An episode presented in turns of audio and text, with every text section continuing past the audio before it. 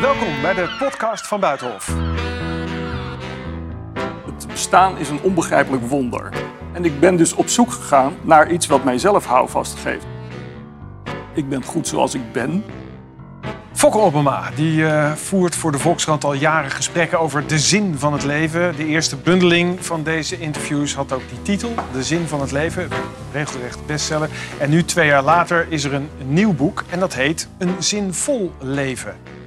En ook voor dit boek sprak de journalist weer vele onbekende en bekende mensen. Dus onder de schrijver Maxime Februari, de Britse psychiater Theodore Dalrymple. Hartelijk welkom hier, Fokke Obama. Dankjewel. Ehm ja, het lijkt eigenlijk een nuanceverschil. Hè? De zin van het leven, een zinvol leven. Wat is, wat is na die 45 mensen die jij geïnterviewd hebt erover, wat is een zinvol leven? Ja, een enkel goed antwoord is er niet. Nee, dus eh, daar was je al bang voor. Eh, maar misschien is het ook wel fijn. Want stel dat er nou één enkel goed antwoord zou zijn... dan zouden we dat allemaal datzelfde leven moeten gaan leiden. En het mooie is van de vraag, vind ik, om, om hem te stellen... is dat je heel veel verschillende opvattingen krijgt. En daar kan je je eigen eh, mening aan toetsen. Ja, het is een En soort die- die- staalkaart. Ja, ja dus het is heel gevarieerd. En dus je krijgt meningen waarvan je denkt... nou, daar ben ik het er wel redelijk mee eens. En andere waarvan je zegt, nou, dit is het echt niet voor mij. Nee. Laten we even kijken naar een, een verhaal wat op mij eh, indruk maakte. Ja. was het verhaal van boer Lammerts. Die zijn zoon eh, bijna vermorzeld zag worden door een hooimachine. En die, ja, toen, toen, toen, toen ging die een, een heel pad af eigenlijk. eh, wat gelukkig goed eindigde, maar het scheelt niet veel. Ja, ja, wat er bij hem gebeurde was... Bij de eh, boer zelf, hè? Ja. Bij de boer zelf. Hij zei van, eh, ja, ik ben een boer. Ik ben niet iemand die eh, makkelijk praat over mijn emoties. Dus hij hield het allemaal in zich. Eh, ja, wat er gebeurde was dat hij PTSS had. Die, die verschrikkelijke beelden van, dat bijna, nou, van het ongeluk bijna dood van zijn zoon. Die bleven hem achtervolgen. En op een gegeven moment bevindt hij zich aan het rand van het spoor... met suïcidale gedachten. Nou ja, op dat moment heeft hij besloten, ik moet erover praten. Toen heeft hij zijn vrouw daarover ingelicht. En toen is er een heel hulptraject in gang gezet... waardoor hij uiteindelijk ja, het leven weer aankon. Ja. En, zijn, en zijn levensles daaruit is... eh, ik ben niet alleen op de wereld. Ja, je- Kijk, dat is een, op zich een hele triviale vaststelling... maar Nou. als je hem op deze manier hebt ervaren... dan maakt dat indruk. Ja, dat is ook eh, al die mensen in jouw boek die halen er een soort levensdevies uit, of jij vraagt daar in ieder geval naar. En bij hem is het dan eh, wat er ook aan de hand is: je bent niet alleen. Precies. Dat moet Ja. je je goed realiseren. Ehm, nou zijn er veel mooie, diepzinnige gesprekken over eh, wat een zinvol leven is. Ja. Maar soms komt er een verhaal uit een hele andere hoek. Buitengewoon nuchter bijvoorbeeld. De paleontoloog die zei... er is maar één zinvolle activiteit voor de mens. En dat is voortplanting. Ja, ja.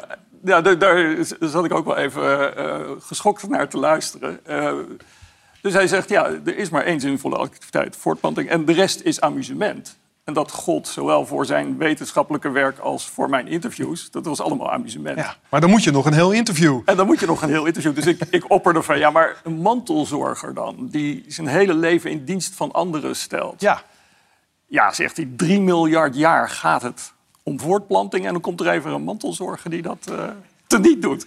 Dus, eh, nee, dat, eh, en dus ook mensen die geen kinderen krijgen... Ja, die vallen bij hem buiten de boot wat betreft zinvol leven. Maar ja, goed, mij gaat dat zelf veel te ver. Als, als ik zelf zou moeten beantwoorden, dan zeg ik van ja... het gaat mij om momenten waarop ik diepere verbondenheid heb met anderen. Dat kan een, je geliefde zijn, dat kunnen vrienden zijn, dat kan in een goed gesprek zijn. Waarbij je het idee hebt dat je dichter bij elkaar komt en verder komt dan eh, wanneer je je ja, blijft hangen in je dagelijkse sores van de onbetaalde rekeningen enzovoort. dus het gaat eigenlijk heel erg om andere mensen. Nou ja, En je relatie tot andere mensen. Als, als, als je het aan mij zou vragen, wel. Ja. Maar, je, Maar- kijk, het, het aardige is, er zitten een grote variëteit aan antwoorden in. En er zijn andere antwoorden waarvan ik denk van ja, dat spreekt me ook wel heel erg aan. Als ik bijvoorbeeld het antwoord van Alexander Rinoy kan neem, die zegt: eh, het, het bestaan is een onbegrijpelijk wonder. Dat is op zich al zo- iets waar je bij stil kan staan, want eh, we, we ervaren het natuurlijk ook vaak als een sleur. Hè? Maar het is een onbegrijpelijk wonder waarvan we in de kern staan we er onwetend tegenover. Dus het niet weten kenmerkt ons veel meer dan het weten. We, denken heel vaak dat we heel veel weten, maar als het gaat om uh, nou ja, het universum, uiteraard weten we heel weinig. Maar ook onze eigen hersenen of over hoe ons lichaam functioneert. We weten er heel weinig van. Nou, hij zegt, waar het om gaat is nieuwsgierigheid. Dus je, de dagelijkse uh, bron van energie en inspiratie is het stellen van vragen. En ik vind dat wel een. Ook dat, nou, ik, ik, stel natuurlijk vragen beroepsmatig, maar ik spreek mij ook heel erg aan. En zeker in deze tijd. Ja. Omdat, omdat er uh, ja, een neiging is om heel erg op je eigen gelijk en je eigen identiteit te hameren. Ja. En ik denk juist, uh, nu zou het heel goed zijn als mensen meer nieuwsgierig naar de ander zijn. Ja, je bedoelt in deze tijd waarin we in een gepolariseerde samenleving leven, zoals dat heet, waarin de tegenstellingen groot zijn en mensen dus heel snel over elkaar oordelen. Precies, elkaar de maat nemen. Uh, er zit iemand in, Joop Verhaar, dat is een oud trucker. Die eh, heeft als levensdevisie: je moet de anderen zoveel mogelijk met rust laten, want dan is de kans het grootst dat ze jou ook met rust laten. Dus als trucker reed hij zoveel mogelijk aan de rechterkant van de weg. Nou, vind ik een mooi beeld. Uh, maar die, die hekelt dus ook hoe wij op sociale media elkaar de hele tijd uh, de maat aan het nemen zijn. Mm -hmm. Of uh, ons aan het vergelijken zijn met de buurman. Hou daarmee op. Leef je eigen leven. En dat is echt een heel mooi pleidooi voor vrijheid. Voor... Je zei net um, dat we heel veel vragen hebben. Je noemde Renoy Kan en die zei... ja, je moet nieuwsgierig zijn, want er is zoveel wat we niet weten. Ja. Door het boek heen voel je ook haast een, een, een soort fascinatie voor religie bij veel sprekers in het boek. Bijvoorbeeld bij de boer die zijn zoon bijna zag sterven in de hooimachine. Is het makkelijker als je die religieuze component in je leven hebt om een zinvol leven te leiden? Ja, nou kijk, waarom ik deze serie begonnen ben is... Ik, ik, had een hartstilstand gehad, ik heb die gelukkig overleefd. Maar toen, daarna had ik behoefte aan houvast. Dat, dat, het bestaan bleek opeens zo kwetsbaar te zijn.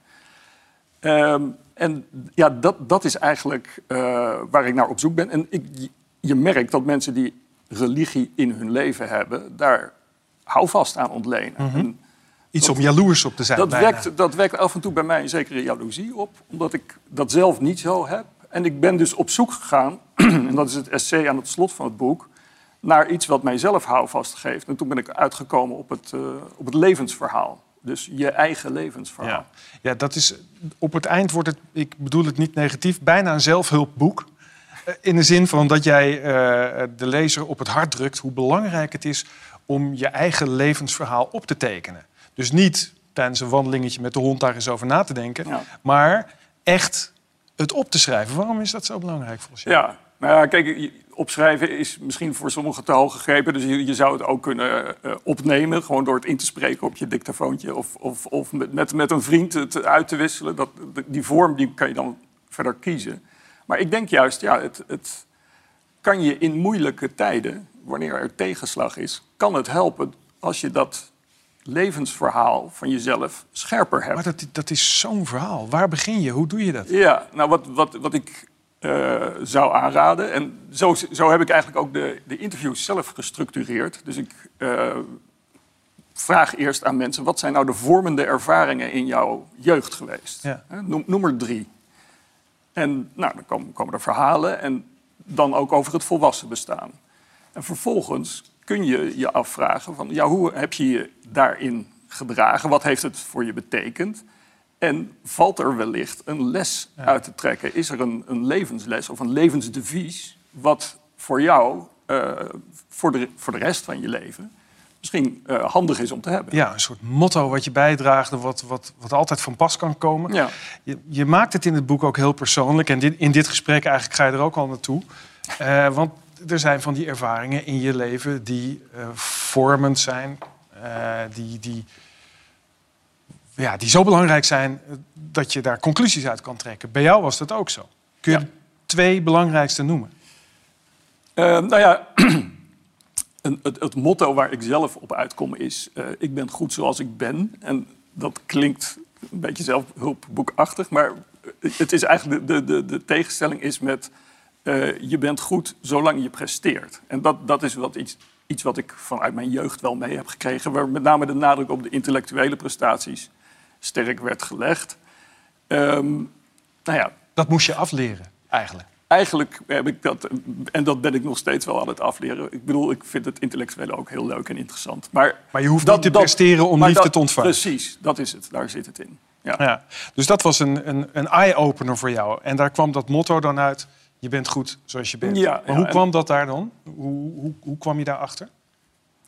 Nou ja, de- de- omdat ik eh, bedacht dat ja, het niet zo is. Het, het zit niet zo in elkaar dat je moet presteren en dat je dan pas liefde eh, kan ontvangen. En ja, e- eerlijk gezegd, hoe kwam ik daarachter?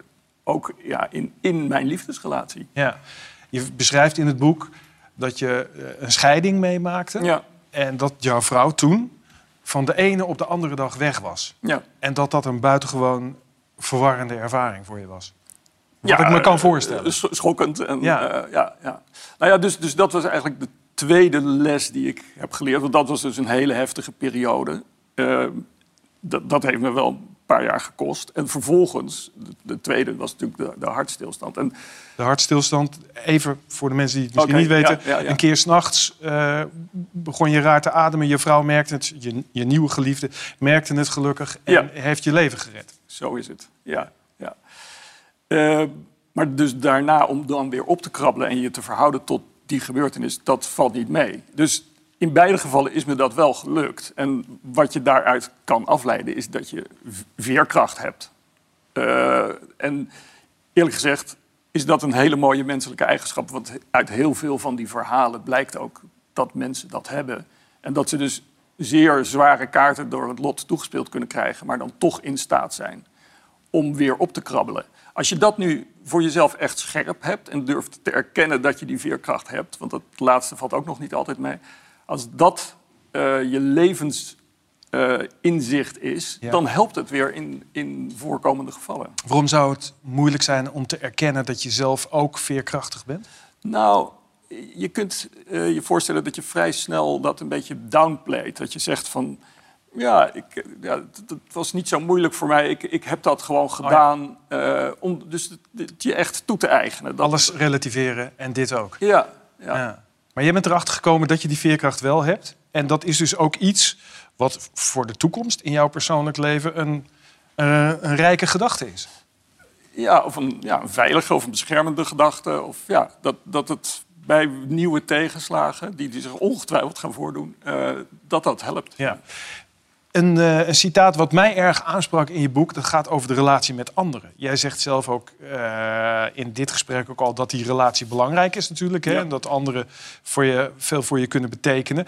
Hier is het eh, Theodore Dalrymple die zegt... ehm, als, even kijken hoor, pagina 122. Ja, de kunst is, zegt hij, je te blijven beseffen dat je zowel extreem onbelangrijk als extreem belangrijk bent. Dus dat laatste, extreem belangrijk, dat ben je voor jezelf en voor je naaste.